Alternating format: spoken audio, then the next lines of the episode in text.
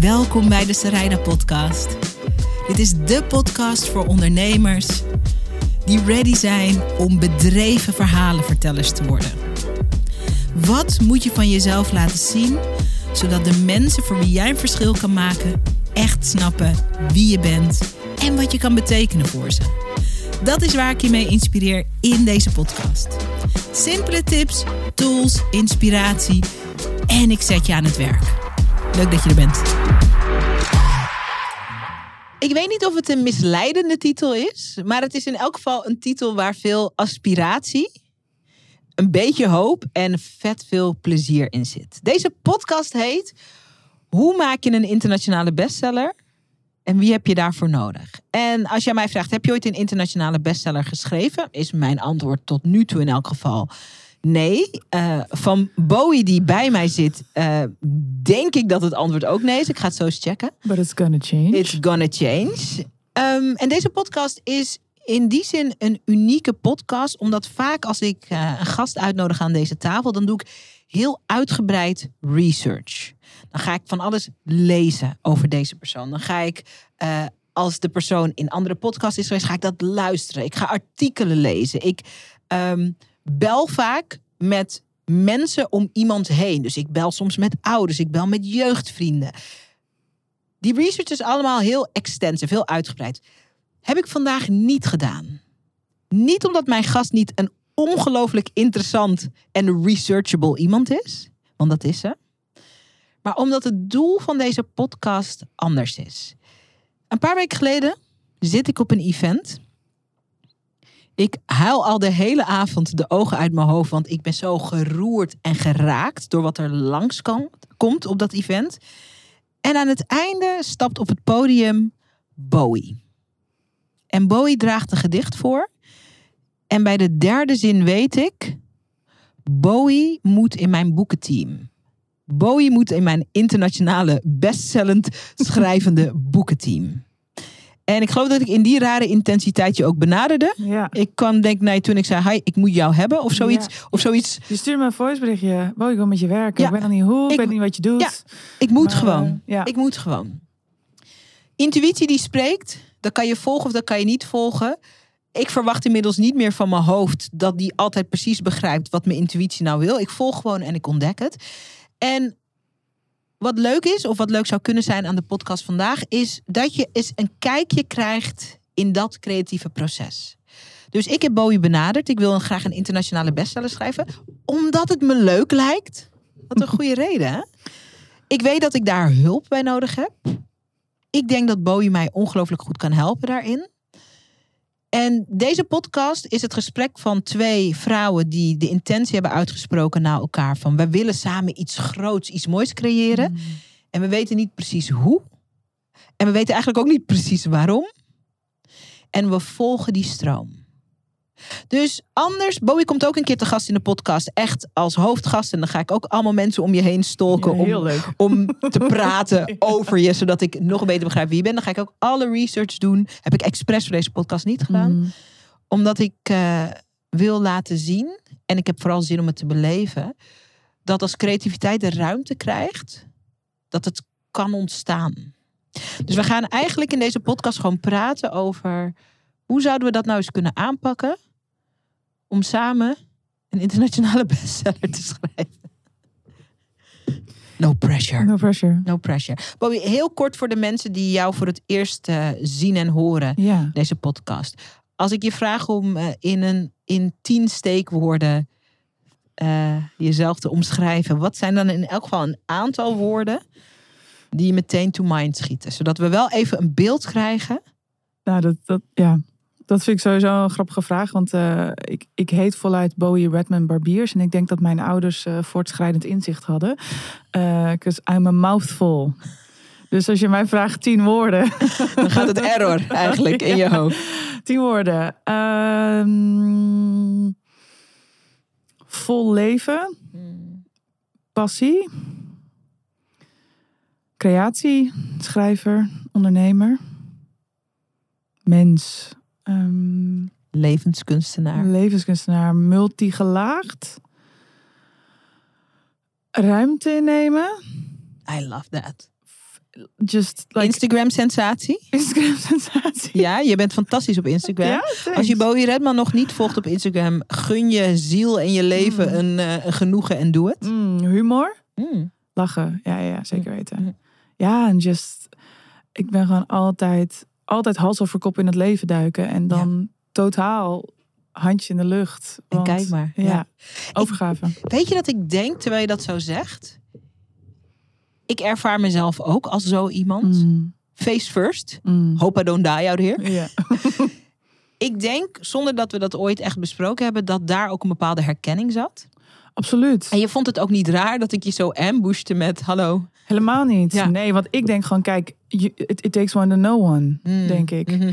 Dus eh, dit is ook hoe, hoe mijn favoriete samenwerkingen of, of, of, of soort van aantrekkingen zijn. Dat je gewoon voelt van, this is it. Of jij bent het. Ja. En ik, het is grappig, want ik eh, een paar weken geleden was een, eh, een van mijn beste vriendinnetjes heeft twee dagen geleden een kindje gekregen. En Gefeliciteerd. Dankjewel, dat is echt fantastisch. En een paar weken daarvoor waren we samen met een, met een groep mensen om, om haar eigenlijk te vieren. En, ehm, en ik had een brief voor haar geschreven. En, en ik had het best wel, nou moeilijk is niet het juiste woord, maar ik vond het heel spannend dat ik wist dat zij kinderen ging krijgen. En ik voelde, ik was gewoon aan het rouwen voor de vriendschap die we los moesten gaan laten. En ik voelde ergens ook een beetje wrok en een beetje bitterheid. En dat mag natuurlijk niet. Want, En waar, eh, en waar ging die bitterheid over? over dat ik niet had gekozen.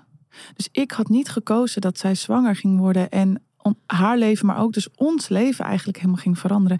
En ik ging daar een brief over schrijven omdat ik eindelijk snapte waarom ik eh, dat, dat die bitterheid om, die, om dat niet kunnen kiezen voelde. Omdat zes jaar geleden struikelde mijn vader over een drempel en die viel op slag dood. En daar had ik dus ook niks in te kiezen. Mm. Maar ik moest wel leven met de, met de alles verwoestende consequenties die dat opleverde.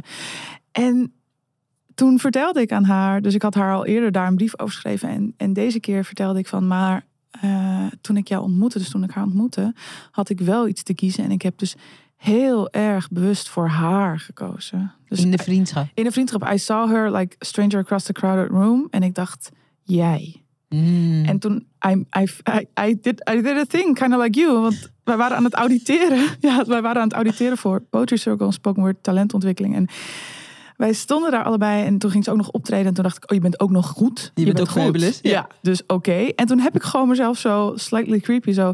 Gingen we daarna in de foyer nog een beetje praten. En toen heb ik nog gewoon in zo'n gesprek gemengd... Waar, waar zij met iemand aan het praten was. En vervolgens ging zij weg. En toen dacht ik, oké, dan ga ik nu ook weg. En toen zijn we samen naar buiten gelopen. En stonden zo bij de fietsen... zo onze fiets van slot te halen. En toen gingen we, moesten we een stukje samen op. En toen dacht ik, Bowie, it is now or fucking never. Dus toen zei ik zo van... eh, ehm, hou jij van eh, toetjes? en toen zei ze zo... filmscène dit. Ja, en toen zei ik zo, eh, ja? Toen zei ik, nou, ik ga nu naar het restaurant van mijn vriend, want hij heeft een nieuwe kaart en ik mag dan alle toetjes altijd proberen. Heb je zin om mee te gaan? En she Oh, was like, leuk. ja. Ja. En Fuck toen yeah. ging ze mee. En toen waren we in één keer op date. En toen hebben we gewoon zo, het was ook helemaal, nou, ik kan nog heel veel over vertellen, maar goed, het punt is, ik zag haar en ik koos voor haar. En it was that. very deliberate. Ja. Dus het is, Ik ja. smul hiervan. Weet je waarom ik hiervan smul? Ehm, om drie dingen. Eén, we kennen deze verhalen, maar het zijn altijd liefdesverhalen. Mm, Je zag die man of hij zag die vrouw of whatever. Of, en alle versies daarin mogelijk zijn. En, en in de liefde zijn we, staan we heel erg open of zijn we heel bewust van dat je zo eh, in een moment kan kiezen. Maar in vriendschap hebben we dat concept helemaal niet zo paraat. Dat je, dat je, dat je een vriend in volle overgave of vriendin echt kan Ja. kiezen. Dus dat vind ik er heel mooi aan.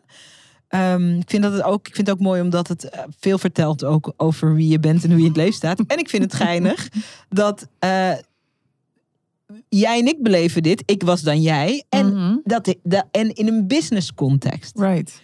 Ja. Echt zo van, ik heb je gewoon verkering gevraagd voor mijn fucking boek. Ja, absoluut. Ja. Ik heb trouwens ook eh, ehm, een van mijn eh, beste vriendinnen, Nicole. Ik heb haar ook verkering gevraagd, vriendinnenverkering.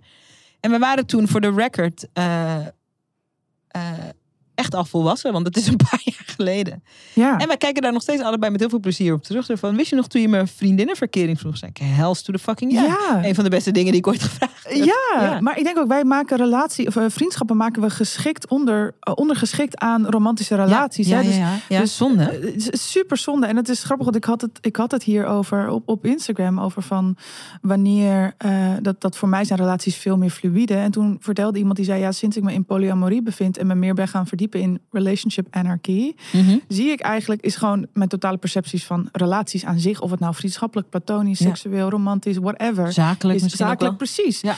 Dat het dat ik, ik, ik geloof ook niet in een relatie-hierarchie. Terwijl traditioneel gezien is dat natuurlijk wel zo. Je hebt het gezin, dat is de. de, de, de- De ultieme relatie, de, ult- de ultieme vorm. Ja, en daarna heb je, En weet je, en dan heb je kinderen. En die gaan sowieso altijd voor alles. Dus je hebt je partner en dan je kinderen. En daarna komt misschien familie en, of vrienden afhankelijk van wie je bent. En, en, you know, en, en dan collega's en dat soort dingen. Maar Ja. ik denk in het, in, het, in het echt is dat eigenlijk veel meer fluïde Ja, dan, dat we, dan dat we denken dat het, dat het zou zijn. Ja, mooi. Ik zag jou op het event van Claire. Ja. Claire van de Heuvel. Dat is een vriendin van mij. Dat is eh, iemand met wie jij samenwerkt. Klopt. Claire was al heel enthousiast. Claire zei, eh, ik ben een samenwerking aangegaan. En eh, it's changing my world. Zo, zo kwam je op mijn netvlies. Mm. Zo ben ik je gaan volgen op Instagram. Ik vond het heel cool. Ik vond het interessant. Ik dacht, oh ja, ik hou dat in de gaten. Dus we hebben het nu over vriendschappen. Claire is eigenlijk onze matchmaker. Ja, Zonder Ja. dat ze dat misschien echt you Claire. als een soort eh, super intentie had. Gewoon omdat ze vanuit haar enthousiasme vertelde over die samenwerking. En wat mij aansprak in wat Claire zei over de samenwerking met jou, is, en ik maak het even wat platter dan dat het is, is dat jij hielp haar om datgene te zeggen wat echt gezegd moet worden, maar wat misschien niet zo makkelijk, eh, wat we niet durven te zeggen, wat we niet mogen zeggen, wa- wat we misschien ook niet willen zeggen. Mhm. Ja. Eh, en dat sprak mij aan. Ik heb twee boeken geschreven in mijn leven. En gepubliceerd. Het eerste boek heet Het Waarom Meisje. Ik ben heel trots op dat boek. Het is een boek over seksueel geweld. Mhm. Het zijn de gesprekken die ik heb gevoerd met mijn vader over wat mij overkwam. Omdat de dader eh, een familielid van ons allen is. Een oom. Ben ook heel blij dat ik dat boek heb geschreven. Want vlak nadat ik dat boek heb geschreven en dat het uitkwam, eh, is mijn vader doodgegaan. Oh, wauw. Dus het was ook. Ik had voor mijn gevoel een hele korte window om dat Ja. boek te schrijven, gevoelsmatig. Ik werd s'nachts wakker en toen zei. Mijn intuïtie zei: schrijf die shit op. En de minute dat ik het boek had ingeleverd, hoorde ik dat mijn vader ziek was, dat hij Ja. kanker had. Shit. Dus dat was very. En ik denk niet dat ik er daarna nog had gedurfd om een boek te schrijven. Dus dat boek wilde echt komen. Dat was wel een zwaar boek om te schrijven. Ja, dat kan me heel goed voorstellen. Daarna heb ik een heel luchtig boek geschreven. Mm, ja, I know. Een boeketboek of Ja, I all it, things. I love it. Omdat ik er om ik werd gevraagd. Wil je een boeketboek? Ik zeg, dit Ja, is crazy. Ja. Ja, how Ja? fun. Ja. Ja. Een van de leukste dingen op aarde is om, eh, om spicy love scenes te schrijven. Dat is het leukste. Nachten in Havana heet Oh dat ja, boek. heerlijk. Het is echt een leuk boek. ja, als ik wil dat lezen. Ja, ik, oh, ik had het voor je mee moeten ja, nemen. ik wil dat lezen. En nu is er weer een boek dat geschreven wil worden. Mm. En eh, ik wist meteen, ik heb ook iemand nodig die me helpt datgene te zeggen, datgene te schrijven, wat ik misschien zelf nog niet durf te schrijven. Ja. En, to- en, zo, en, zo, en zo kwam ik bij jou. Ja.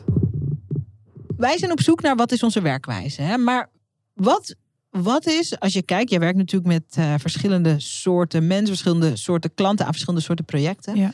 Wat is de rode draad in alles wat je Ja, de helpt, ons, ja. helpt doen ontstaan? Nou, ik denk dat je die al, al best wel goed hebt verhoord. Dus de rode draad voor mij is altijd, eh, wat wil er gezien worden?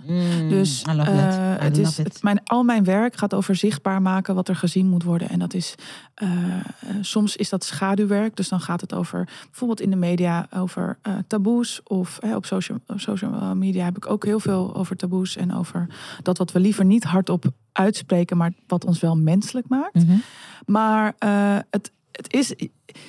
Dus aan de ene kant is het schaduwwerk, maar ik noem het, ik noem het eigenlijk een soort van spectrumwerk. Want het gaat dus over niet dit van jezelf laten zien, maar de full human spectrum kunnen Mhm. zijn en dat op tafel kunnen leggen. En Ja. dat betekent dus dat er eh, het ene moment wil er een verlangen gezien worden, het andere moment een, een angst of iets wat gewoon heel naar is, waarvan je denkt, oh, ik ben echt een slecht mens als ik dit hardop zeg. Ja, ja. En de andere keer gaat het gewoon over een soort van joy die eruit komen. Dus al mijn werk gaat over zichtbaar maken wat er gezien wil worden. En altijd de vraag stellen, ehm, ja, wat wil er gezien worden Ja. hier?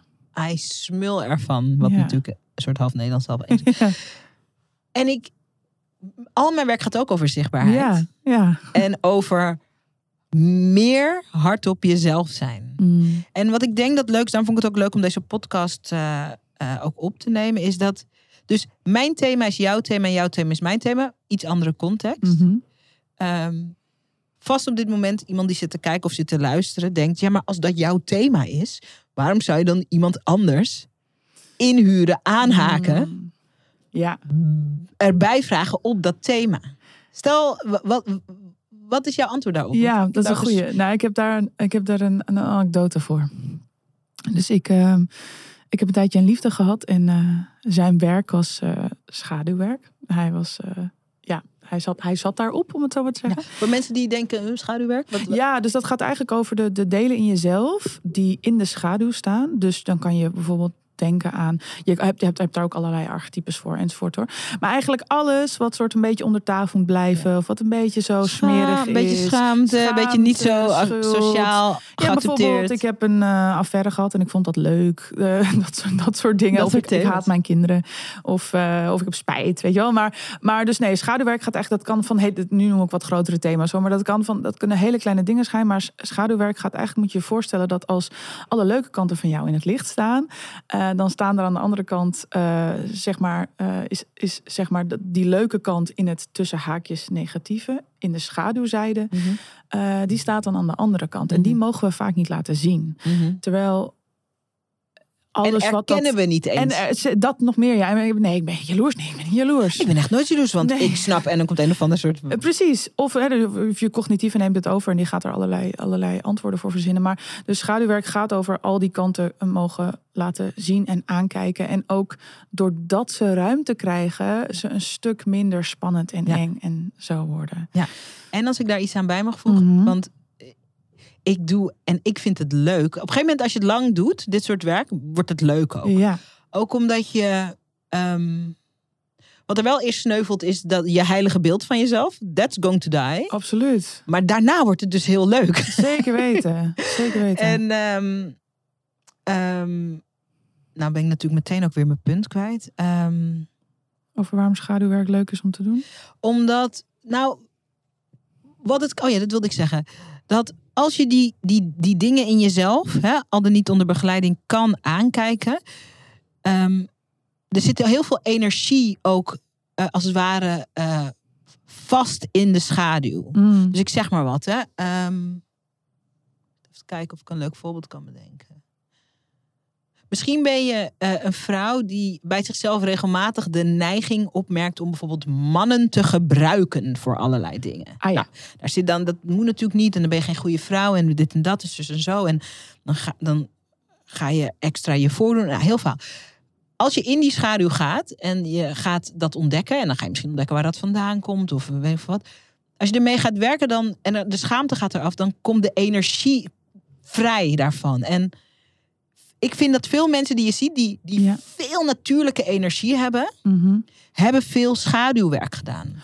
Zeker. Ja, zeker. Maar ik denk ook, je tilt, anders til je dat allemaal met je mee. Ja, hè? ja, ja. Die bagage, dat is Dus die het bagage. wordt- het- precies, dus het wordt ook, het, kijk, het, het hoeft niet weg. En dat is ook volgens mij het goede. Het hoeft dus niet weg. Maar het gaat dus voor mij ook heel erg over dat full spectrum. Dus over jezelf compleet mens laten Ja. mogen zijn. En ik, ik heb het in, als ik, als ik het, eh, als ik workshops geef of in mijn werk, heb ik het vaak over oordeelloos creëren. Dus mag je jezelf oordeelloos laten creëren. En dan, Oh, dat is heel grappig, laat als gaf ik een workshop en toen had ik een oordeel over mensen die niet goed kunnen zingen. En toen zei iemand, Ja, maar jij hebt nu ook een oordeel. En dacht ik, natuurlijk. Natuurlijk. Ja, ik, ben, ge- ja, ik ben een fucking human Ik being. oordeel de hele fucking dag. Maar that's also the point, weet je wel. Zo van, ook in oordeelloos creëren gaat het ook over... oké, mag ik dan dat oordeel op tafel leggen? Wat ik nu voel, wat ik Ja, nu heb. ja, dus eh, weet je, stemmetjes uitpraten over... je schaduwstemmen uitpraten. Fucking liberating. En ook, want dat is de misvatting. Je doet dit werk niet zodat je eh, een soort bovenmenselijk iemand moet worden. Dat is juist niet het doel van dit werk. En dat is soms een beetje paradoxaal dat is, voor ja, mensen. Dat, dat is ook dat je, je gaat eraan werken zodat het weg kan. Nee, je gaat eraan werken zodat je het innig kunt leren kennen. Dan verliest het zijn kracht. Precies. En dan is het er, maar het heeft niet onbewust. De, het heeft niet onbewust zitten niet aan het stuur. Nee, en ook, je gaat er niet meer vanuit handelen altijd. Ja, dat bedoel ik met het Dus zit niet- precies. ja. Het mag er zijn, Ja. maar je hoeft er niet vanuit te gaan handelen. Ja, ik ga je bijvoorbeeld Ja. even over. Ik ben over het algemeen, algemeen niet zo jaloers aangelegd. En ik denk dat dat een jaar geleden was of zo. Had ik iemand ontmoet, een jongen. En ik weet niet waarom.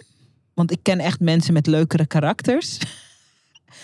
Maar ik was helemaal hotel de botel Mm. van hem. Mhm. Helemaal. En eh, we hadden elkaar ontmoet en we hadden een avond gepraat. En toen veel gezopen samen. En er was niks gebeurd, want hij had een relatie. En ik, wil, ik wilde dat niet. Maar ik voelde van alles. Daarna besloot ik van hij heeft een relatie, dus dat, dat, dat was dan nou, een leuk gesprek en klaar. Maar ik moest heel veel aan hem denken. Toen heb ik toch contact opgenomen en toen eh, zijn we een tijd bevriend geweest. Heel, heel omslachtige vriendschap. Ja, Ik heb altijd die grens bewaakt. ja. Bij een omslachtige vriendschap verder. Want de, de aard was helemaal niet vriendschappelijk. Maar oké, prima. Goed. Nooit die grens overgaan. Ik ging toen... eh, ik ging op vakantie in mijn eentje. Ik ga graag in mijn eentje op vakantie. Om soms even gewoon lekker even weg te zijn van alles. En ik vertelde tegen een vriendin van mij... eh, die ik daar tegenkwam op vakantie. Die daar was. eh, omdat zij daar woont. ehm, vertelde ik dat ik iemand ontmoette die ik echt heel leuk vond. Maar dat ik het ook een beetje ingewikkeld vond. Dat ik diegene zo leuk vond. En ik vertelde het zo. En op een gegeven moment noem ik zijn naam. En zij zegt: Oh ja, wij kennen elkaar ook. Bowie? Mijn hele lichaam ging in de fik. Zei ik: Oh ja? Ik lieg, hè? I'm, nou, I'm lying. Ja. Ik zei: Oh, wat leuk. I'm lying. Ja. Ik zeg: Hoe kennen jullie? Ook zo stem. Ja. Hoe kennen jullie elkaar dan? Met- Voor een, I am fine. Over een man die echt niet van mij is, gewoon. Nee. Op geen enkele manier. Nee. Toen vertelde ze een mooi verhaal. vertelde ze een mooi verhaal. Over dat zij jaren geleden. Vonden, ze kennen elkaar, ze vonden elkaar leuk. En eh, jaren geleden hebben ze toen geprobeerd uit te zoeken van kan het iets worden? En uiteindelijk was het niks geworden. Bowie, mijn hele lijf stond in de fik. Ja. Dus oké, this is why I'm telling you this. Ja. Het verschil tussen wanneer het aan het sturen is en niet. Mhm. Op een gegeven moment zei ik tegen haar: "S- stop even met praten. ik zeg: ik heb nu zo'n acute aanval van jaloezie. Ik zeg: mijn lijf staat in de fik. Ik zeg: ik ga heel even naar buiten lopen. Dan ga ik even schreeuwen. Ja. Ga ik even mijn oksels drogen. Ja. Ga even zo in de wind staan. En dan ga ik heel even onderzoeken what the fuck is happening. Ik zeg, ja. dit heeft niks met jou te Nee, maken. precies. Want ze was een beetje, ze zegt, oh nee, maar het is niks geworden. Ik zeg, nee, nee, nee, nee, daar gaat het niet om, daar gaat het niet om. Ik zeg, dit is iets heel raars wat mij niet echt eerder overkomen is. Ik zeg, ik ga heel even buiten, zeg maar, in een zak ademen. En, Mhm. Eh, en, dan ben ik, eh, en dan ben ik zo terug. Mm. Ben ik echt buiten gaan staan. Nou ja, ik weet niet, het gutste uit mijn nek. Het sloeg nergens op. En ehm, Nee, maar en als je dus niet daar bewustheid op had gehad, ja, dan was je daar dus waarschijnlijk reactief Ja. naar haar toe ja gaan. dan, dan- oh, leuk. En vertel me daar eens wat over. Dan was je waarschijnlijk manipulatieve dingen gaan zeggen. Ja, en, en dan gaat zo iemand stellen en daarna ga je iets onaardigs zeggen van... hé, hey, maar ehm, leuk truitje, of weet ik veel. Dan ga je, en. En dan... Oh, het grappig. Hij heeft me helemaal nooit verteld of jou. Dat zal niet ja. veel betekenen. Oh ja, wat grappig. Nee, ja. Oh ja, ik wist helemaal niet. Ik noemde jouw naam, maar hij heeft eigenlijk nooit, Nooit? echt Ja, laten... Dan krijg je dat soort gare dingen. Snap je? In plaats van, want dan neem de schaduw gaat aan het Mm. stuur. Kattig en dit en dat. En ehm, toevallig is zij ook zo'n vriendin bij wie je gewoon kan komen met die lelijke blote waarheid. Van, sorry hoor, dit slaat nergens op. Ik heb geen enkele recht. Eh, ik heb nog nooit gezoend met deze jongen. En ik ga misschien ook nooit met hem zoenen, want die heeft verkering. Maar eh, I'm very fucking jealous right now. ja. Dat jezelf toestaan en zo leven en zo creëren Mhm. is a lot of fun. It is a lot of fun. En ik denk ook dat dat gaat dus ook heel erg over je triggers leren kennen, maar ook over een bepaald soort bewustzijn. Maar dat kan denk ik ook alleen maar als je jezelf in alle facetten durft aan te kijken. Ja. En als je leert dat al die facetten er ook mogen zijn. En dat iemand, zij mag ook daarna een reactie Ja, hebben. misschien- zij mag daarna ja. ook denken van, oh fuck, dit vind ik eigenlijk... Dit vond ik super ongemakkelijk. Ja, of noem, De- ja. nou, weet je wel, nu voel ik, oh, Ik dan voel gaat er bij mij iets gebeuren. En ook dat mag ze weer inbrengen. En ik denk het is grappig dat je jaloezie noemt, want, want ik, ik heb zoiets met een vriendin gehad over een huis. Ik, ik, ik ga verhuizen en ik wist dat niet, maar zij eh, had dat huis ook aangeboden gekregen. En Mm. ik ging uiteindelijk in dat huis, het is een verkorte versie, maar ik ging uiteindelijk in het huis wonen. En dat raakte gewoon iets bij haar. Ze zei van, oh, alsof gewoon mijn ex-vriend een nieuw vriendinnetje heeft. En dat ben jij. En dat ben ik. Ja, en dan ben je ook nog zo. En ik voel gewoon jaloezie Ja. en wrok. En ik gun het je niet. En ik kan dat dan dus helemaal ontvangen. Want Ja, ik denk, ja, ik ben ook- natuurlijk, dit gaat niet over mij. En zij ook, ja, maar dit gaat niet over jou. Nee, dat weten we allebei. Maar zo vaak denken we in het leven dat het wel over ons gaat. En dan gaan we in die reactiviteit van die triggers zitten. Oké, Dus als je het hebt over waarom zou je iemand nodig hebben die net zo met zichtbaarheid bezig is. Hè? Ja. Maar dit, oké. Nee, Ik krijg nu zo heel veel enthousiasme. Ja. Kijk, ik weet dat er nu mensen naar de podcast luisteren of kijken die denken: wat voor, wat voor alien vriendschappen zijn dit? dat je zegt: hey, jij zegt dit en dat triggert mij en dit en dat. En dat de ander zegt: oh, wat interessant. Ja. Oh, wat goed dat je dat in contact Ja, brengt. Wat ja. lief, dankjewel. De meeste vriendschappen zijn niet zo. Nee, fair enough. En misschien. En de meeste vriendschappen zijn niet zo, omdat de meeste mensen deze relatie ook niet met zichzelf hebben. Mhm. Wanneer, toen ik zo jaloers werd. En ik heb veel geleerd van deze jongen die ik een tijdje leuk vond. Terwijl ik hem fucking nooit heb, ah, nooit heb aangeraakt. Ja, ik heb wel eens geknuffeld, maar nooit. Nee. Nee, nooit eh, Anything intimate. nee. Ik moest even nadenken. Nee. Nee. Ja, ik moest even nadenken, want hij had heel lange relatie. En toen ging zijn relatie uit. En daarna is het ook niks geworden. Nee. Jammer. Ehm, anyways. Dit kan je, heb je alleen te bieden in vriendschap als je ook zo met jezelf omgaat. Dus op het moment dat ik zo jaloers werd. Ik kan mezelf ook afbranden, hè? ja. Dit slaat nergens op. Ja. Nee. Eh, je ja. hebt hem één keer ontmoet. Ja. Hij heeft toch een Je vriendin? mag het niet voelen. Jij Ja. wordt altijd verkeerd, verliefd op de verkeerde jongens. Je bent ook een slechte vriendin. Kijk, zo, dat is hoe de meeste mensen met elkaar omgaan. Ja. En ik ben een heel groot gedeelte van mijn leven ook zo met mezelf Mm. omgaan. De minder dat er iets boven komt, wat eh, zogenaamd niet acceptabel is, meteen veroordelen, meteen wegdrukken, meteen in een verhaal schieten dat, eh, oh je bent kapot, you suck, eh, wat een sukkel ben jij, dit, dat. Als de relatie met jezelf zo is, kan je natuurlijk nooit een vriendin of een vriend die iets zogenaamd onacceptabels op, op tafel gooit, die kan je natuurlijk nooit ontmoeten daarin. Nee, want je kan jezelf niet ontvangen. Want je kan jezelf Nee. daar niet eens ontmoeten. Ik denk ook dat, en daarom kijk ik zo uit. We gaan zo even naar het schrijfproces. Mm. Naar wat we gaan doen. Ook hebben we trouwens geen idee precies hoe we het gaan Mhm. aanpakken.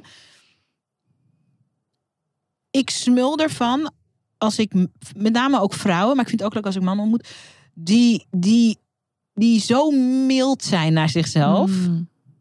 Dat ze Ja. al hun weirdness, rare, onlogische dingen eh, in elk geval kunnen zien en kunnen denken: oh, interessant. Want toen ik buiten stond met mijn zweetoksels en dacht ik: that's interesting. Ja. Ja, I'm feeling all Ik ben benieuwd. Ik ben ja. benieuwd waarom dit gebeurt. Ja. Ik ben benieuwd. Ja. Het is superleuk om elkaar zo te ontmoeten. Omdat je heel veel dingen kunt ontdekken over jezelf, over elkaar, over het leven. ja. Ehm, maar het is niet heel gangbaar. Nee, en het is, maar het is wel, kijk, als, als, iets, als dit werk me iets heeft geleerd, dan is het wel compassie. Dus ik heb zo, Mhm. ik heb onmetelijke compassie voor mezelf. Ook bij de allerlelijkste shit. Ook bij alle slechte dingen die ik ooit in mijn leven heb gedaan. En waarschijnlijk ook nog ga doen. Because I'm fucking human. Ja. Ik denk altijd, dit hele hysterisch onveilig leven. En dan gaan we ook nog eens eventjes, weet je wel, soort van... dat ik denk, ja, sorry, maar ik, so- soms denk ik echt... ik mag gewoon een oorkonde krijgen dat ik gewoon... I've survived another day. Ja. And look at me thriving or just surviving. And both are fine. En Ja. ik, een soort van een oorkonde voor de menselijkheid. dus ja, het enige wat ik kan doen is denk van... Ik daar heel veel compassie voor voelen. Ja. En, en heel veel compassie ook. Daarmee dus ook. Dus als ik compassie voor mezelf kan voelen, kan ik ook Dus veel ook beter voor de ander Ja. voelen. Ja. Omdat ik gewoon denk, this is the fucking human experience. Welcome, honey. Ja, je bent op deze planeet om allerlei dingen te voelen en te ervaren. Het is ook om die reden, nog even een klein zijspoor, dan kunnen we naar het boek. Ehm, het is precies ook om deze reden that I don't fight people on the internet met hun meningen. Eh, mensen zeggen soms lelijke dingen tegen mij onder mijn post of whatever. Of, eh, Oh ja, laat me een voorbeeld geven. ik, had laatst, ik had laatst een post gemaakt, was ook een nieuwsbrief, over ehm, een opvoedles die mijn moeder me had gegeven. Mijn moeder heeft altijd, ehm, mijn moeder heeft ons echt opgevoed als, mij opgevoed als zelfstandige vrouw. Ja. Independent fucking woman. Ja. En in het Surinaams heb je een, een opmerking en, en die gaat als volgt. Je diploma is je eerste man. En dat gaat erover dat je moet vooral voor jezelf kunnen zorgen. En Mm. ik vertelde in die post dat ik, eh, hoewel ik heel blij ben dat dat mijn opvoeding was, dat het ook heel beperkend is. Mm. Omdat ik vertelde erover dat ik ben eigenlijk mijn hele leven omringd geweest. Ook eh, vanuit de tv en later in mijn ondernemerschap. Maar ook door eh, krachtige, ook welvarende mannen. Die graag voor mij ook eh, wilden zorgen of wilden bijdragen. En daar heb ik gewoon altijd uit automatisme nee tegen gezegd. En nu denk ik, dat is fucking dom. En ik vertelde daar wat over. Maar ik vertelde dus ook wat eh, over die, die, die, die uitspraak. Je diploma is je eerste man. En over... eh, gewoon, was een best wel genuanceerd verhaal. Maar wel heel eerlijk. En toen, toen had iemand er om die post geschreven. Ik denk op Facebook. Wat een primitieve les. En wat een primitieve ouders heb jij. En heel onaardig. En dat, het woord primitief triggerde mij. Ja, omdat... eh, dit, dit, dit heeft echt een zweem van een soort racisme. Snap je wat ik bedoel? Oké, maar in Totaal. plaats van. En ik merkte dat onder mijn post andere donkere vrouwen, eh, die denk ik dezelfde, die je hebben, er ontstond een soort gevecht. Ja. En. ehm, maar ik ga niet, sorry, ik ken jou niet. Ik ga niet vechten op het internet met je. Ik ga in plaats daarvan onderzoeken. Ik dacht, hmm, ik, ik, ik, ga, ik ging die trigger onderzoeken. Ja. Ik dacht, oh ja, waarom raakt dat primitief- woord primitief raakt me heel specifiek. Toen merkte ik dat ik erachter kwam van. ehm, eh, niet voor mezelf, maar ik, ik voel eigenlijk dat mijn moeder wordt aangevallen. Ja. Terwijl de intentie van het stuk helemaal niet. Het gaat gewoon over, je hebt iets geleerd van je ouders. Dat heeft ook voor, tot op zekere hoogte gewerkt. En nu moet je eigenlijk de genuanceerdere eh, volgende generatie... Het Ja. moet even geüpdate worden. Ja. Dat is Ja. eigenlijk. En ik merkte gewoon, oh ja. En toen kreeg ik schuldgevoel. Ik dacht, had ik dit stuk niet moeten schrijven? Want nu zit een vreemde eigenlijk iets onaardigs te zeggen over mijn moeders opvoedstijl. Dus Mhm. er kwamen allemaal dingen voorbij. Eh, uiteindelijk vroeg ik mezelf, want daar eindig ik al dit soort riedeltjes mee. En vind ik zelf dat ik, eh, vind ik zelf dat het primitief is? Precies. Ja, precies. Hell to the fucking no. Ja. Oké. Het kost mij wel, moet ik in alle eerlijkheid zeggen. Ik ben even doorheen gegaan. Ik doe dat dan soms in een soort meditatievorm. Het kost mij iets van 35 minuten om door de hele riedel van emotie heen te Ja. gaan. Maar daarna was het ook uit mijn lijf. Ja. En dacht ik, eh, dacht ik eh, prima. Waarom ik het deel is dit. De reden dat ik ehm, die spreker niet aanval, of die, die comment. Ik weet dat wat jij hier doet onder mijn post, is gewoon een reflectie van hoe je met jezelf omgaat. Mhm. Anders zou het niet in je opkomen om zoiets met duidelijke intentie om te kwetsen te posten Nee. precies de reden waarom ik jou niet aanval. Dat is hoe ik met mezelf omga. Is precies de reden dat jij mij wel aanvalt. Want dat is hoe jij met jezelf omgaat. Mhm. En dan denk ik, en dat is niet passief. Ik denk, jij moet leven in dat. Ik zie dat nu als post. Ik kan, kan het gewoon verwijderen. Ik Ja. verwijder ook heel veel. Ja. Mijn social media is geen democratie. Nee. Dat is Nee. gewoon een dictatuur. Dat is gewoon een En mijn stem ja, is daar belangrijk. En de aan de wordt rest. gewoon gecensureerd. Dat klopt. Ja. Ja, dat klopt. Ja. Dus ik delete dat of niet. Ja. En terecht. En, eh, en ik dacht, eh, en, en, en ik voel dus over compassie gesproken. Dus mensen die zo hatelijk zijn, ik voel daar compassie voor. Want het is, je kan, dit is jouw automatische reactie op wanneer er iets komt bovendrijven waar je niet eh, oké mee bent. Ja. Nu is het toevallig in mijn timeline, maar het is ook de hele dag in jouw hoofd dit. Ja. Ik vind prima, dat is dan een kruis wat jij moet dragen in het leven. Ja. Succes ermee, Tuledoki. Bel me niet om te vertellen hoe het gaat. En eh, er is een betere manier. Als je daarvoor open zou staan. Absoluut. Dus Ja. absoluut een Ja. betere manier. Ja.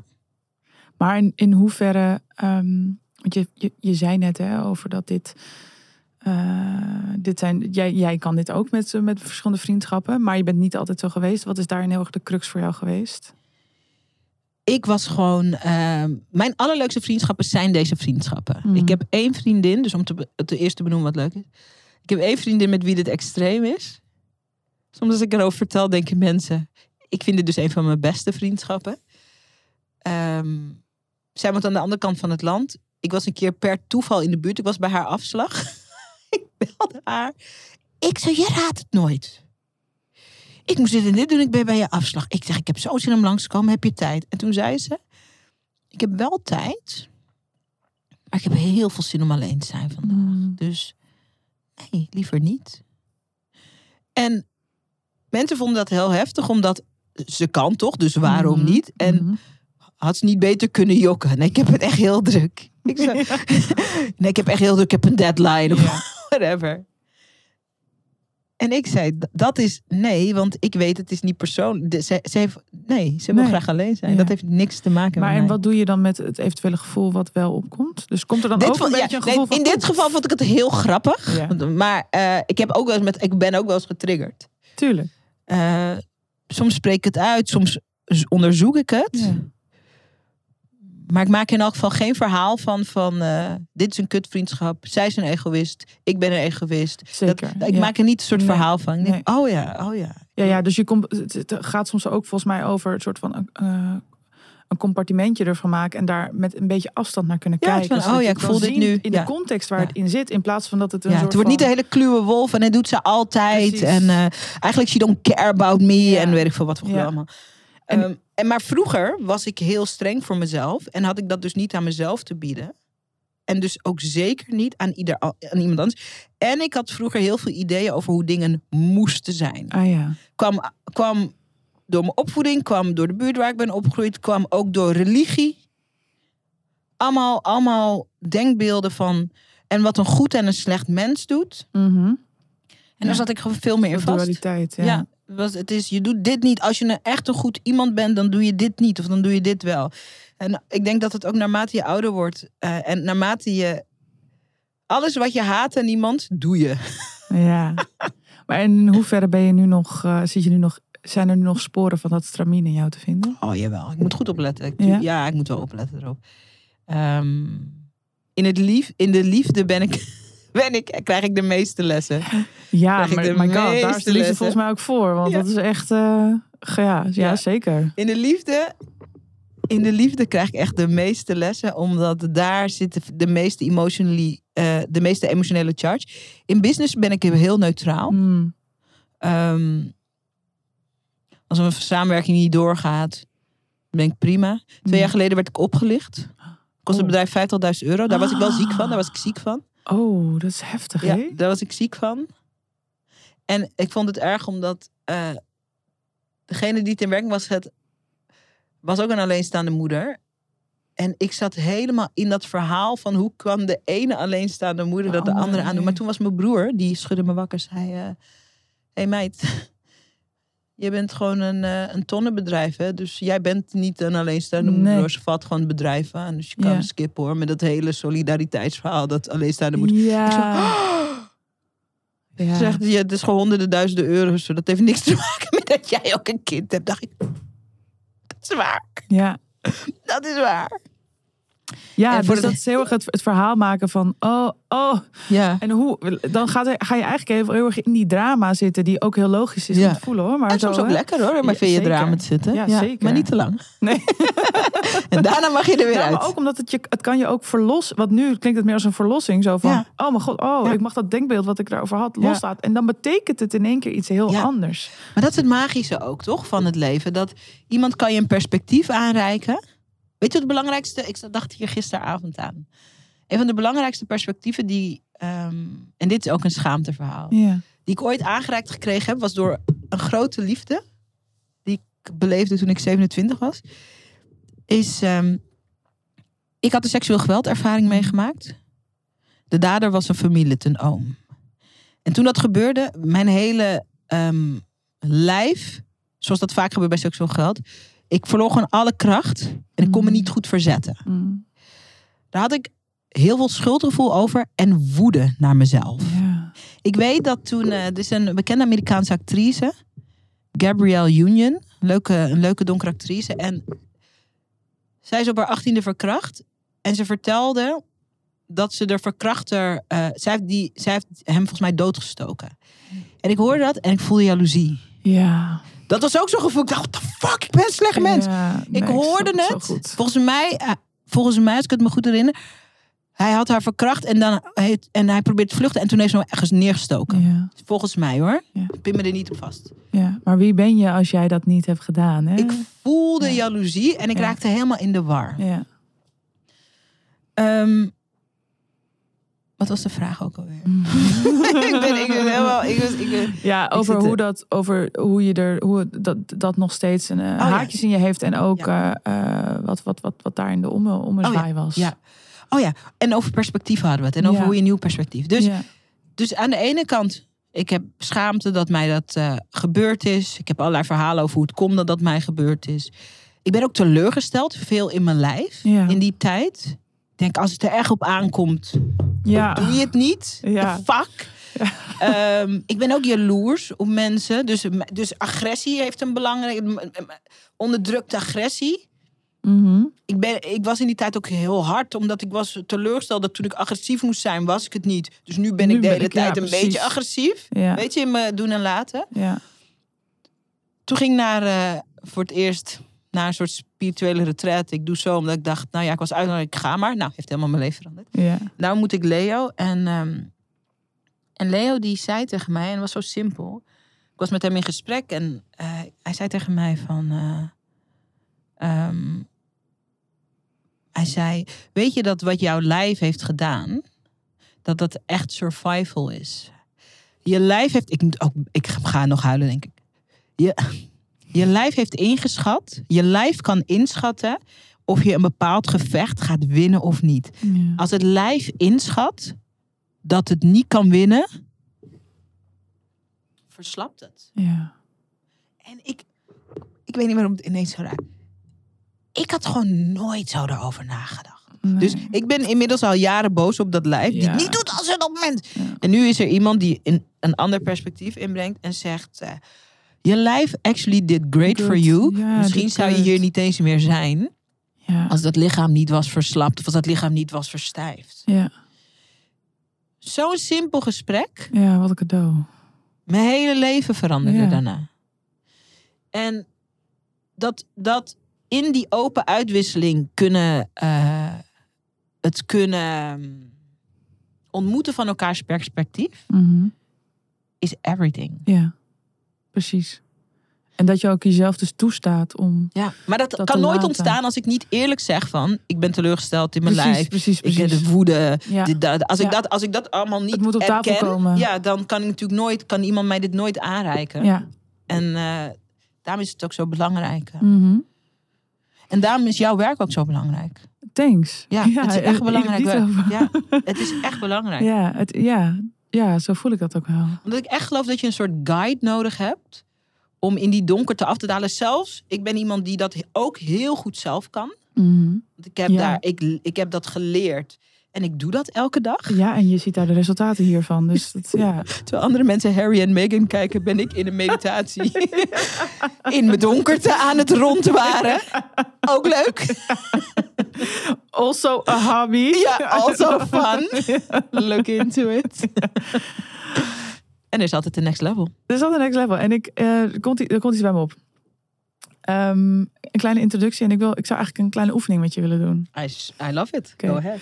Ehm, eh, jij, jij vroeg net, hey, eh, zo van, hey, als mensen zitten te kijken of te luisteren van, waarom zouden twee mensen die eigenlijk helemaal gaan over zichtbaarheid, waarom zouden die elkaar nodig hebben of wat hebben die nog bij elkaar te halen of te leren? En ehm, ik moest gelijk denken aan een liefde die ik heb gehad, die dus schaduwwerker was. En of in ieder geval, dat is Ja. een onderdeel. Hij is gewoon een hele goede therapeut. En hij was hyperbewust, ik was hyperbewust. Maar samen, eh, je hebt sowieso altijd schaduwkanten, Mhm. period. Mhm. En ik had dus bewustzijn op zijn schaduwkanten en hij had bewustzijn op mijn schaduwkanten, waardoor we onszelf dus voller konden zien Mm. omdat we wisten, die ander, he's not gonna let me get away with Ja. something. En Ja. hij voelde dat ook. En daardoor kon er ook iets ontspannen van, oh, Ja. oh, iemand ja. anders die, die, gaat, die ziet wat ik niet zie. En ik zie wat die ander niet ziet. En daardoor maken we elkaar eigenlijk voller. En daardoor eh, zijn we nog menselijker. Kunnen we echt alles op tafel leggen. Ehm, Prachtig. ja, dat was heel, dat was heel mooi. En, en een van de dingen die wij samen hebben gedaan aan het begin van de relatie, wat ik ehm, eigenlijk net ook even kort voordat we de podcast begonnen aan je vertelde over een beginnende vriendschap die ik nu aan het onderzoeken ben, was iets wat hij noemde de verkenning. En Mm. dat ging eigenlijk over vijf stappen waarin je ging verkennen wat je in deze relatie wilde doen. Mm. En ik dacht, wat interessant is misschien voor ons.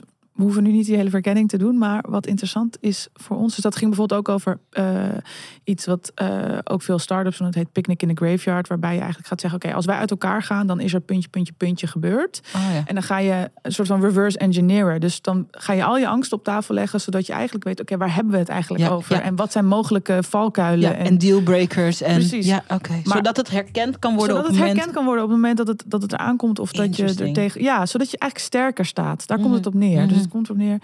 En ook zodat je. eh, maar ook bijvoorbeeld, hè, wat is je toekomstvisie? Of, of waar. eh, waar eh, pledging the sword noemde hij dat. Dus waar ga je. waar commit je aan? Ja, wa- waar, waar devote je Waar aan? devote je aan? Maar een van de dingen wat ik, wat ik altijd denk wat interessant is als je net bij elkaar komt, dus een beginnende relatie hebt, zijn aannames. Mm. Dus ehm, soms heb je natuurlijk dat je mensen op een voetstuk plaatst Mhm. door die aannames. Soms eh, maak je valse verwachtingen door Ja, die aannames. Vaak denk En ik. ja, en ik dacht, het is misschien interessant om een, om een potje aannames op tafel te leggen. I, I like it. Ja, je like it? Ja, I like Omdat it. ik heel nieuwsgierig ben naar van, oké, we hebben dus, we hebben een soort van intuïtief gekozen van, oké, ja, ja, ja, we're gonna do something, of we voelen iets. En, en, en het interessante is, we kunnen dat gewoon gaan onderzoeken van, oké, maar waarom voelen we dat? Maar ik dacht, misschien is de aannamekant een interessante ingang. Heel leuk. I love it. Hartstikke leuk. Ik ben heel benieuwd wat er uitkomt. En voordat we erin duiken, wat ik leuk vind aan deze podcast, die gewoon in, soort, in een soort flow, een soort beetje zo lekker Mhm. ontstaat. En we praten gewoon en het ontstaat. Ik kan me voorstellen, er zijn natuurlijk ook mensen die luisteren die denken, die meer structuur nodig hebben. En ja, wat voor, soort, wat voor soort boek wordt het dan en wat voor soort samenwerking Ja. dan? De waarheid is, we don't know. Ja, We don't know.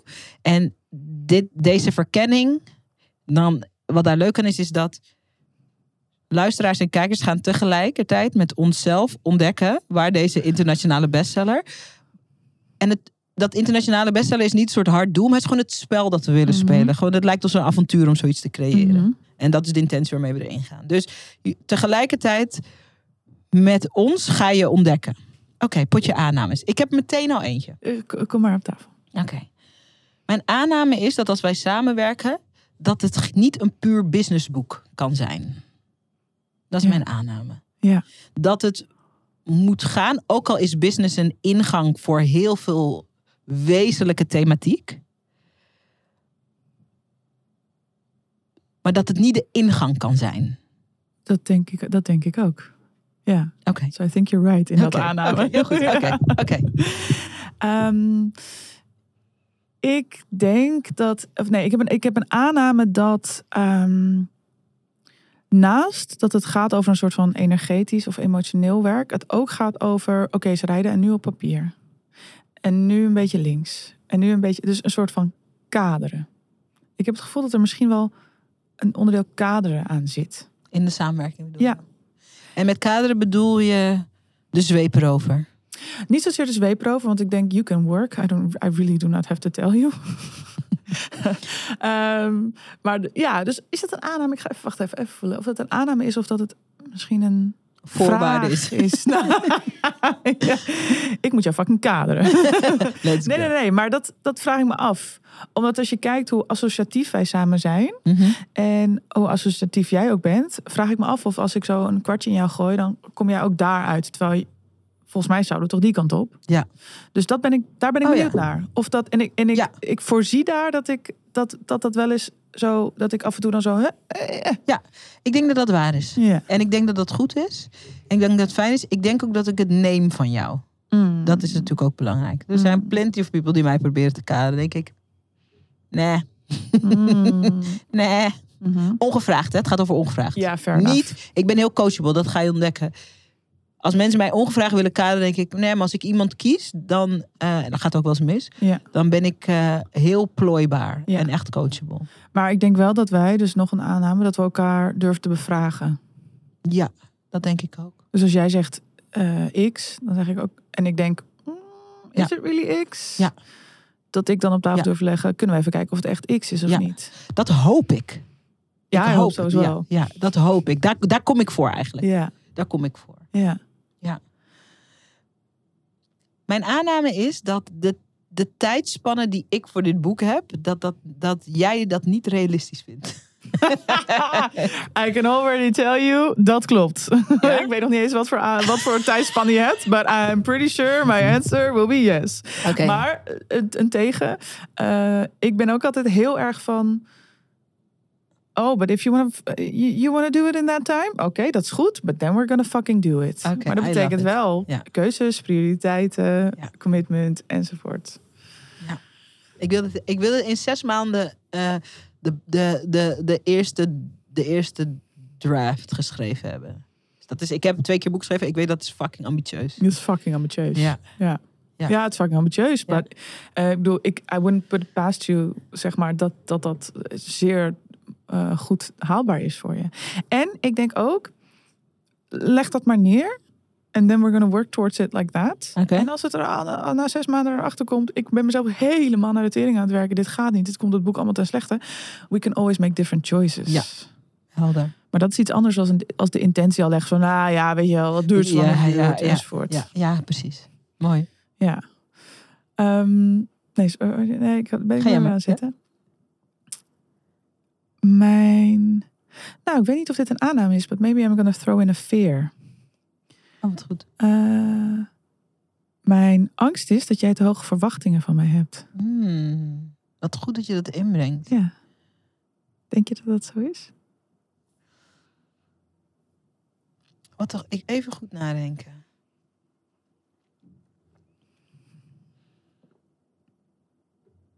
Wat is te hoog? Ja, dat is een goede vraag.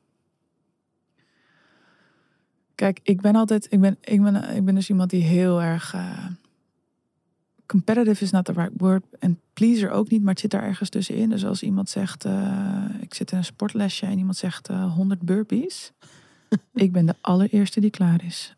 Even if my body is like, fuck no, na 10.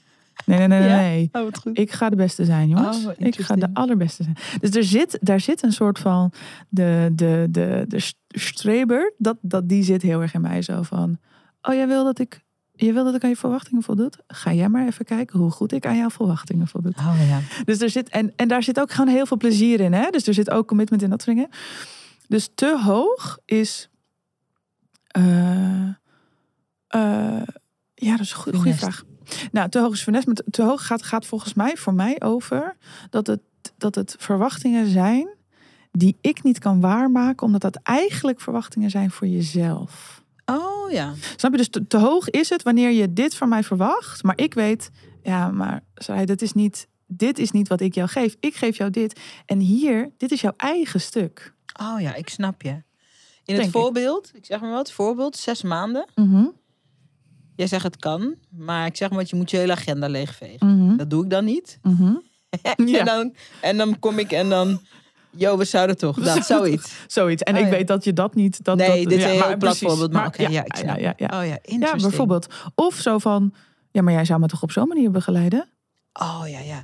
Oh ja, ik ben blij dat je het inbrengt. Omdat in dit, toch in dit specifieke geval van die zes maanden. Ik weet al lang dat ik zeg maar zes maanden, in zes maanden boek wil schrijven. Maar mijn agenda is helemaal niet leeggeveegd. Nee. Dus, ehm, en dan is de verwachting, nou die sessies met Bowie, die moeten gewoon een fucking tien zijn elke keer. Want dan kan het.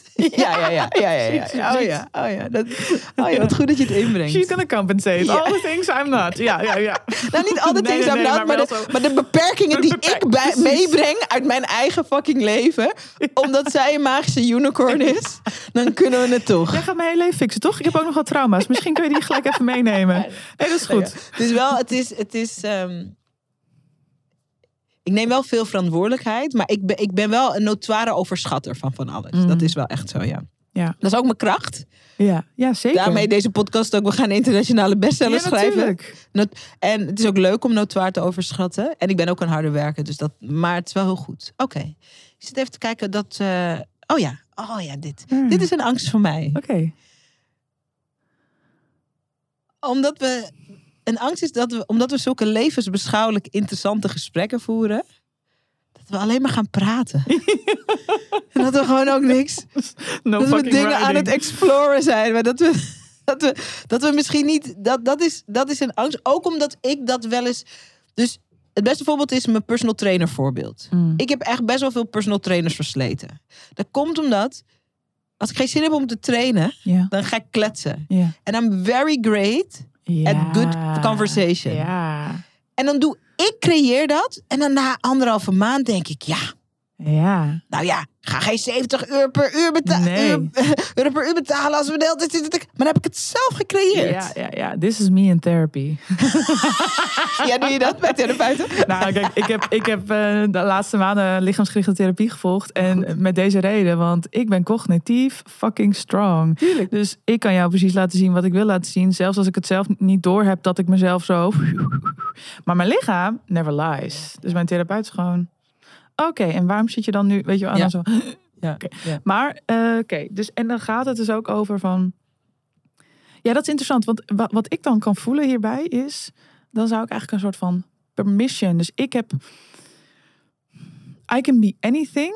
En, en sommige dingen geef ik mezelf heel veel permissie voor. Maar zeker in nieuwe relatie denk ik, oh ja, maar als ik, dan heb ik gewoon eigenlijk even permissie nodig dat iemand zegt. Als jij zegt, eh, oké, Sarah, we gaan eh, hartstikke leuk geluld nu, maar we gaan nu even schrijven. Ja. Of zoals, want dat is interessant, want bijvoorbeeld als je deze podcast als voorbeeld neemt. Ehm, je stelt een vraag, wij gaan associatief antwoorden. En vervolgens is die hele vraag niet beantwoord, maar hebben we wel 60 andere Mooie dingen, dingen. Ja. Ja, dat is ook heel waardevol, weet je wel. Maar ik kan ook zeggen, dat is oké, dat is heel goed. En dan gaan we nu terug naar die vraag. Ja, ja, zeker. Je mag, oké, bij deze toestemming eh, granted, je mag zeker ook die interviewers zijn. Mm. Fantastisch omheen gepraat, hartstikke leuk, Ja. ander hoofdstuk. En hoe zit het hiermee? Ja. ja, ja, dat heb ik ook nodig. Ja, Dat heb ik ook nodig. ja. Omdat ik wil natuurlijk in het boek. Ik kan best moeilijke thema's agenderen zelf. Dat doe ik ook veel. Maar ik wil Mhm. natuurlijk. eh, ik wil ook verrast worden door mijn eigen moeilijke thema's. Ik denk. Oh ja. Ja. En dat, dat kan als je me scherp bij de les Precies. Ja. En is de angst dan eigenlijk dat je denkt dat ik dat niet ga doen? Of dat je het zelf ook niet door gaat hebben en dat we dan aan het einde van het proces denken van, hè, what the fuck happened? Nee, de angst is dat je het niet gaat doen. Ja, Ja. precies. Ja. Ja. Ja. goed. Thanks. That's a really good one. Ja, interesting. Oh ja, ik heb nog een angst. Ja, kom maar. Wat interesting dit. Ehm,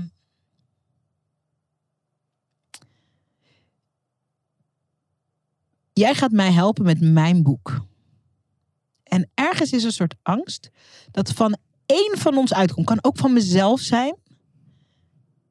Dat we erachter komen dat het een samengeschreven boek is. En dat, dat, eh, en dat daar verwarring over ontstaat. Want Oh. dus, want Mhm. ik zou het fantastisch en prima vinden om me samen. Maar dat er verwarring. Want dus het begint als van jij gaat mij helpen met mijn boek. Maar misschien wordt het wel, omdat het, omdat het zo free flow begint. Misschien hebben we het straks echt samen geschreven. Ja. En wat is het dan? Ja. Ja, dat snap ik heel goed. En wat daarin is dan jouw grootste angst? Wat zou er, zeg maar, worst case scenario? Wat zou er kunnen Dat, gebeuren? dat we ver- verschillende dingen willen. Ja. Dat, dat, dat, dat ik gewoon zeg van. Bobby, we hebben dit samen geschreven. En dat je zegt, nee, het is jouw boek. Maar dat ik me dan denk van, Nee, het is maar voor de helft mijn boek. Ja. Ah, kut. Of, we hebben het samen geschreven, zeg jij. En dat ik zeg, ja, maar het was toch mijn boek? En dan, Nee, ik Dus wil wel het- die cover. ja, ja, ja, ja, ja. Dus het gaat er niet om van, oh, ik wil alleen, maar dat, maar dat, er- Nee. dat we dat verschillend hebben. Ja. En dat dan, want vervolgens, kijk, als het boek geschreven wordt, dan mag het de wereld ingetrapt worden. En dat wil je in volle overgave doen. En als op de achtergrond iets sluimert, is dat niet leuk om zo'n boek de wereld in te trappen. Ja. Stel je voor, laat in het voorbeeld van dat, dat uiteindelijk we het eigenlijk bijna samen hebben geschreven. En jij zegt, nee, ik hoef niet op de cover. Of je wil niet. Mhm. ja dus dan moet ik er dus de achter. wereld.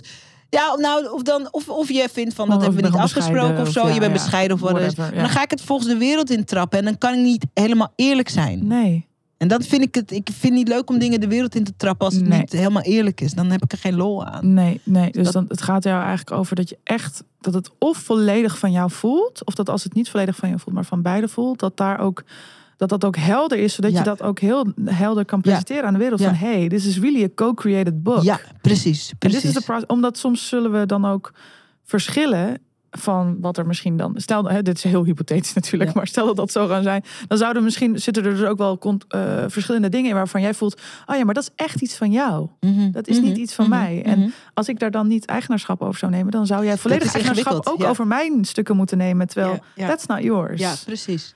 Ja goeie, dus die, dus dat daar heel veel helderheid in is. Ja, Wat, juist omdat we niet precies weten wat het wordt. Maar dat wat het is geworden, dat dat het gewoon dan ook echt mag zijn. ja, precies, Dat precies. eigenlijk. Ja. En kan je ook kan je de joy voelen? Dus zeg maar als we het hebben over angsten en aannames, what's the joy? Dus waar denk je dat het plezier in gaat zitten? In het boek. ja, in boeken en ook in samenwerking. Ja. Ehm, wat mij het aller, allerleukst lijkt. Ik zie het zo. We gaan op een soort emotionele ontdekkingsreis. Mhm. Ik heb geen idee waar het fucking boek over gaat, meid. ik heb geen idee. Ik ben gewoon benieuwd. Ja. Heb je echt geen idee? Ehm, ik weet wel mijn thema. Ik wil het hebben over schaamte. Ja. En ik wil het hebben over seksualiteit en sensualiteit. En ik wil het hebben over vrouwelijkheid. En destructie. en creatie. Ja. En de dark feminine. Ik wil een boek. Ja, oh, The Dark Feminine. Zeg je dat nou net? Oh my god, girl. Ik knuffel je hoor, mentaal. ik wil, ik wil een, een. Ik wil dat het een Bijbel is voor mijn dochter Mm. over alle vergeten wijsheid over de kracht die we hebben als vrouwen to destruct Mhm. en to create. Ja. En dat kan in een business context, het kan in een, In elke. het kan in allerlei contexten. ja. Dus ik gaf je eerder het voorbeeld van wat ik. En mijn moeder heeft mij dat vol liefde geleerd. En het was een goede les. Je, zo, ehm, je diploma is je eerste man. Mhm. Dat betekent, je moet voor jezelf zorgen. Het betekent heel veel dingen. Het betekent ook, we are self-made. Het zijn allemaal dingen. Het betekent ook, je moet hard werken voor de. Mhm. Het is prima basis om Mhm. vanuit te beginnen. Maar als je kijkt naar wat het leven je aanreikt als vrouw, is dit maar een heel klein stukje wat ik heb geleerd. Ja. Voor mij was het prima, want ik heb er gewoon mee gewerkt. Wat ik mijn eigen dochter gun, die vijf is, is om haar te leren van. Sorry, wij vrouwen zijn mythische wezens. Mhm. Ze zeggen, er zullen mannen in je leven zijn die zich vrijwillig op hun zwaard laten vallen. En they will love it. Ja. Ehm, Waar, waarom raakt dit? omdat ik heb dit zelf heel. Ik noem dit voorbeeld van een man die zich vrijwillig op zijn zwaard laat vallen. Dit, ik kan me voorstellen dat het voor heel veel mensen heel verwarrend is. Dit is wat ik daarmee bedoel. Wij hebben het in ons. En mannen hebben andere kwaliteiten die net zo belangrijk zijn. Dus het is niet zo van eh, vrouwen zijn top en mannen zijn kut. Echt helemaal niet. Maar wij, wij hebben het in ons om dingen te inspireren. Andere mensen. Maar wij kunnen alles creëren. Mm. Wil je fucking huisvrouw zijn? Met Ja. een rijke man die je voeten kust elke dag als hij thuis komt? Dat We can. Ja. Heb je zin om de Mount Everest te beklimmen met een gezin van zes kinderen? En je leven als een zwervende nomaat met, met een prachtgezin? Of wil je het als single moeder? Het kan. Ja. Heb je zin om in een hutje in de hei te leven en los te zijn van de maatschappij zoals we die kennen? Ja. En heb je geen zin om te doen aan geld? En heb je zin om bessen uit het bos te plukken? En Ja. het Dat kan. kan. Het kan. Ja. Heb je zin om een bedrijf te bouwen waar je miljoenen euro's verdient? Wil je 12 uur per week werken? Heb je zin om. Wil je Japanse kalligrafie leren? En is dat een heel belangrijk onderdeel van je dagbesteding? En wil je drie mannen hebben die alle drie iets anders in je aanraken? En zijn, jullie met zijn ze met z'n drieën de perfecte man voor jou? En zie je de ene op dinsdag en de ander op donderdag. En zie je die ene ook soms op zondag. Het kan. Ja. En in hoeverre kon jij dat niet? Eh, eh, veel niet. Ja. En ik snap het. Ja. Ik snap, ik snap, wij hebben, ik hou van mijn moeder en ik hield van mijn vader. En wij, ze hebben ons alles geleerd om te overleven. En I think we did great. Maar het leven gaat niet over overleven. Het leven gaat over kunst maken met je zijn. Oh my god, ja, echt. Kunst maken. En Ja. Wat voor jou kunst is, is voor iemand anders dat die Dat denkt, wat de fucking trash. aan het ja, doen? Ja, ja, maar dat is, ja, het is fucking. Het gaat over kunst kunst, maken met je leven. Ja. leven. En, en, en om plezier te hebben. Ik was laatst in een podcast en toen werd aan me gevraagd van waar gaat jouw leven over? Toen zei ik plezier maken. Nou, Ja. mensen zijn heel ontevreden met dat antwoord. Ja, hoor. dat is, ja, dat is fantastisch. Steltje. Mensen zijn heel ontevreden met dat antwoord. Ja. ja, dat is dat fantastisch. klinkt oppervlakkig. Ja, het klinkt oppervlakkig, maar eigenlijk is dat het. Eigenlijk Totaal is het niet. totaal niet. Totaal nee, niet. totaal niet. Totaal niet. Maar voor mij, een heel groot gedeelte van mijn leven ging nooit over plezier maken. Ja. Niet dat ik geen plezier had, Nee. maar daar ging mijn leven helemaal niet over. Helemaal niet. Maar wat brengt het je om, eh, zeg maar, if you, dus ik zeg wel eens, if, if you follow the joy, where would it lead you? Dus in hoeverre, waar, waar brengt joy jou? Waar brengt plezier jou? Op alle plekken waarvan ik nu nog niet weet dat ze bestaan. Snap je? Mm. Als ik kijk naar mijn dochter is vijf, toch? Ehm, als ik haar naar school breng, 's ochtends, dan eh, iedereen, niet iedereen. De meeste ouders zeggen: doe je best. Oh ja. Ik zeg: ons, ons uitspraakje is: plezier is de manier. Ah, Ik zeg: en lekker veel vragen. ja. Dat is de boodschap. Ja. Plezier is de manier. En lekker veel vragen. Ja. Elke dag. ze vindt het nu al. Ze is vijf nu. Zeg ik: plezier is de manier. nu al, ze is nu al boord. Ik zeg, het is fucking magic, kid. Maar ja, je gaat Ja, laten maar, zien. Je Maar gaat laten ik denk zien. ook zo van, dan zit het dus al, heel- is het al helemaal ja. geïnternaliseerd. Ja, it's Dus like, is are we het like, saying this I again? Know, I know. Plezier is de manier en lekker veel vragen. Ja, heel goed. En dat is, kijk, ik vind het ook eng. Want ik, weet ik veel of dit gaat werken. Ik weet wel wat de uitkomst is als je bent, hebt geleerd. Werk hard, werk hard, werk hard, werk hard. Verbeter jezelf, verbeter jezelf, verbeter jezelf. Bewijs jezelf. Bewijs. Ik weet wat de uitkomst daarvan is. Mm, Kan je elk ver brengen. mhm. Nu leer ik mijn kind, plezier is de manier. Ik Ja. weet niet wat de uitkomst is. Nee, maar ik denk dus ook dat, eh, dat dit een goed uitgangspunt voor ons is. Dus plezier is de manier en lekker veel vragen. Oh, oké.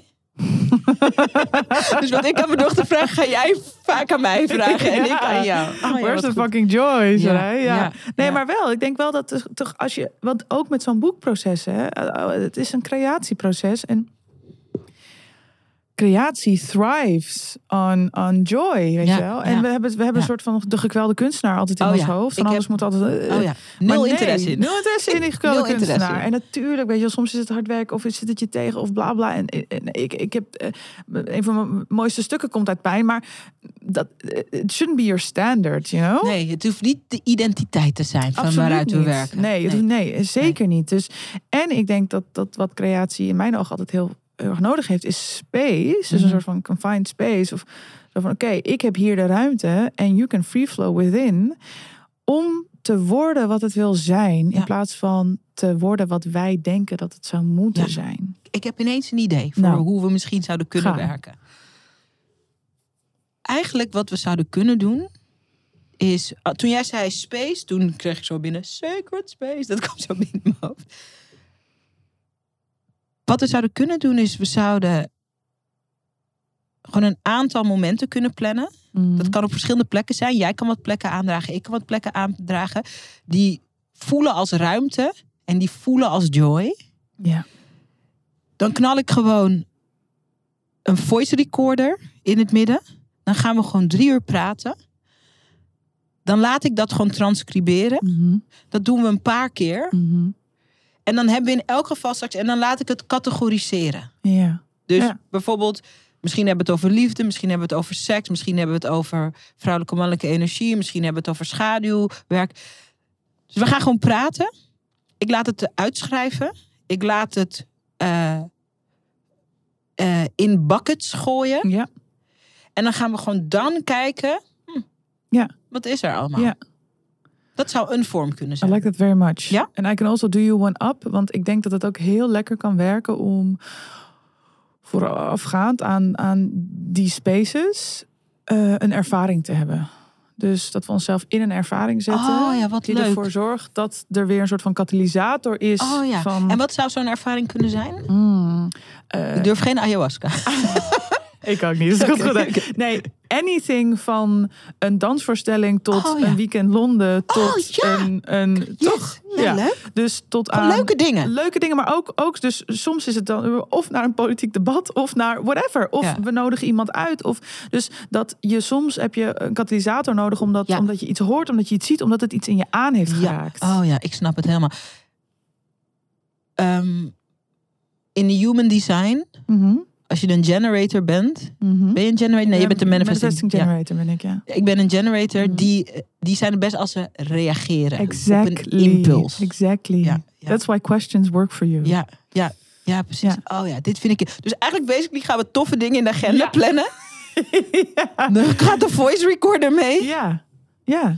En dan over een tijdje hebben we een berg tekst in een aantal categorieën. En dan gaan we daar gewoon doorheen lopen. En dan gaan we gewoon kijken wat wil het zijn. Ja, en ik denk wat heel interessant kan zijn, is als, als dat soort dingen ook intuïtief ingevuld mogen worden. Dus bijvoorbeeld, een goed voorbeeld, ik, was, ik gaf een workshop in het Van Abbe Museum in Eindhoven, een schrijfworkshop. En dat, ik dacht, waarom. Ik, ik hoorde gewoon van je moet naar het Van Abbe Museum in Eindhoven. Dus ik dacht, ja, maar waarom dat museum? Amsterdam is veel handiger, centraler, bla bla bla bla. En ik ging daar naartoe en ik heb die halve workshop, als dan de, de, de deelnemers in het museum waren en dingen te doen, heb ik in de giftshop gestaan. En met een, met een, een, een kaartpakje van Marina Abramovic, een kunstenares. En ik kreeg gewoon alleen maar zo Oh ja, downloads. Echt totaal. Dus ik kreeg alleen maar zo een heel jaar programma rolde eruit. En ik heb er zo in mijn notes eh, van mijn telefoon, zo. In die, en die mensen moeten wel denken. Ik heb echt denk ik misschien wel drie uur in totaal in die giftshop rondgezocht. Alleen maar zo. En dan ging ik Oh, weer iets aanraken. En dan kwam er weer iets. En Ja. dacht ik, oh, dit is dus waarom ik naar het Van Abbe Museum moest. Ik wist het niet. Ja. Ik dacht dat het iets te maken had met die woorden. Had het helemaal niet. Ik Ja. moest daar gewoon iets ophalen. Ik kwam Oh, daar letterlijk iets that. ophalen. I love this. Weet je wat ik leuk vond? Ik werd een beetje verliefd op je. eh, we gingen eten in Soho House. Mhm. Ik werd gewoon een beetje verliefd op je spirit, op je ziel. Ik, eh, we gingen eten in House. Ik had je daar uitgenodigd. En we hadden een fantastisch gesprek. Het ging de rekening. eh, ik wilde heel graag jou trakteren. Ja. Ik ging de rekening betalen. Ik draai me om en ik zie jou zo. Bij een, het- House is op een hele leuke, specifieke manier ingericht, toch? Interior Ja. design. En ik Oh, ik weet zie jou, precies ik wat je ik, zie, ik werd gewoon een beetje verliefd. Ik zie jou bij een wand. Daar. Ik zie jou dat zo aanraken. Met je hand. Het was echt zeker. Ik heb gewoon gewacht op je. Hè? Ik was al lang klaar met die rekening. Ik dacht, ik weet niet precies wie deze persoon is. Maar ik, I like it. The world is a playground. Wat Ja. zie je ook proberen te vertellen in allerlei, eh, op allerlei plekken. The world is also, niet de hele tijd, niet overal. Niet 24-7, maar the world is a playground. Mhm. En she's having a moment. Ja. Ik dacht, ik stoor je niet. Ik ga er ook niet. Nu begin ik erover. Ik Ja, ga er ook nee, niet is beginnen. Mooi, Ik zat gewoon. Thank you. Ja, ik zat. Ik dacht. Ik hou van hoe jij leeft. Mm. Ik hou van hoe je leeft. Ik voel me heel erg gezien hierdoor. Dus dat vind Oh, ik ja? heel leuk. Dat vind ik heel leuk. Ja, ook gewoon als je het ziet Ik en je lijkt zo van... that's, that's, ja, that's ik heb het wel you. tegen een vriend verteld. Ik zeg, ik had zo'n mooie ervaring. Ik zeg, eh, she made love to that wall. Ik heb gewoon even gewacht. gewoon your thing. Ja, Ja, Ja, maar ja. gewoon dat je dat ziet en denkt... Oh ja, Ja. that's, your, that's your moment. Ja. You can have Ja, that. ja, wait heel leuk, you. ja. Ja. dat is prachtig. Dankjewel. Echt heel leuk dit. Maar ja, ja. En dat is... eh, dat is... Dat is... Dat, yeah, I think we should do something like that. super. Ja. super. Laten we dit afspreken. Want ik denk, ik heb geen idee. Maar ik denk dat we al een tijdje aan het praten zijn. Ja. Ehm, laten we, je komt sowieso terug om echt eh, als eh, grote mensengast. zeg Grote maar. mensen gast. Ja. Als ondernemer. Ja, als ondernemer. Wat is je businessplan? Ja, Ja, precies. Leuk. Who the fuck are you? Ja. Ja. Ik denk dat het wel ook leuk is wanneer we verder in dit proces zitten... Mhm. om ook hier nog een deel 2 van te doen. Absoluut. Ja, because Ja. then we've lived it Ja. a little. Dus, Zo van hoe is het gegaan? Mhm. Hoe gaat het? Ja. Ehm, en ik denk dat het... eh, ik ga ook vloggen hoe wij dit proces eh, Ja. gaan invullen. Wat ik heel leuk vind, net in je voorbeeld van... eh, Dus dat het heeft ruimte nodig. We willen dat het een internationale bestseller wordt. Dus ik kan me voorstellen dat we een paar keer over de grens gaan. Ja. Om dan ergens Ja. op I deze manier te werken. Ja. Dus dat is heel leuk. Lekker steden bedenken waar Mhm. we dan naartoe gaan. Ja. Ik denk dat we misschien ook sowieso een keer naar Kaapstad moeten voor dit. Dat zou wel echt leuk zijn. Ik weet ineens ook welke wijk. Zo'n wijk in Kaapstad. Ik kwam daar vroeger heel vaak, want Mhm. ik had eh, verkering met iemand wiens ouders daar woonden. Mhm. Ik geloof dat die wijk Bo-Kaap heet. En dat is een wijk met allemaal heel mooi gekleurde huisjes. Ja. Ik geloof dat we daar ook even naartoe Oké, ja, het is in de name, hè? Dus Ja, eh ja. kaap Bowie maar mee. Bo- ja, Kaap- Kaap Bowie maar mee naar Bo-Kaap. I didn't see that coming. Maar yes. I'm cheesy as fuck. ja. Oké, vet. Oké, we gaan in elk geval naar Londen en Ja. ook naar Kaapstad om Ja. dit fucking boek te schrijven. Oké, ja, ik had Ja. al zin. ik ook. Maar voel je het in je lichaam? Ja, ik Ja, had hè? al zin. Maar nu heb ik echt veel zin. Ja, ik ook. Heel veel. Dus, Leuk. Als ik er nu aan denk, dan voel ik, dan voel ik dus fucking joy. Ja, Joy. Dan is er een Ja. glimlach en dan denk ik, zo, die, die Ah, acceleration, weet je wel, een soort van vet. die. Dit is echt fabulous. Oké. Maar als je? gekeken hebt of geluisterd. Ik hoop. Vaak weet ik aan de voorkant van een podcast wel wat je ongeveer eruit zou kunnen halen. Dat is bij deze podcast iets minder, omdat het echt mocht ontstaan. Maar mijn hart en mijn gevoel zegt me dat voor de creatieve zielen die altijd op zoek zijn naar wat wil er met en door mij gecreëerd worden, dat dit eh, een, fijne, een fijne aflevering is. Absoluut. Het was in elk geval een hele fijne aflevering om te maken. Zeker. Deel 2 on its way. Ja. Dank voor het kijken, dank voor het luisteren. Als je haar nog niet volgt, volg haar op Instagram. Thank you. Bowie Redman. Ja, Ed Bowie Redman. Ja. B-O-W-I-E R-E-D-M-A-n. Volg, laat je inspireren. Dank voor het luisteren. Stuur ons een DM als je deze, ja, heel leuk. Ja. als je deze eh, podcast hebt geluisterd. Of maak een screenshot Ja. en deel wat je eruit haalt. En tag ons. Ook leuk, kunnen we je reposten. Zeker. Maar eh, eh, ja, laat ons weten. Dat vinden we leuk. En dank voor het luisteren. En tot de volgende aflevering van de Strijder Podcast. Super tof dat je hebt geluisterd naar de podcast. Dankjewel. Hey, en als je een mooie inzicht hebt of iets wat je even met me wilt delen naar aanleiding van de podcast, check me op Instagram. Ik heet daar Sarayda Groenhart. En laat even een berichtje achter met wat je uit deze podcast hebt gehaald. Ik vind het altijd leuk om met je te connecten. Zie ik je daar?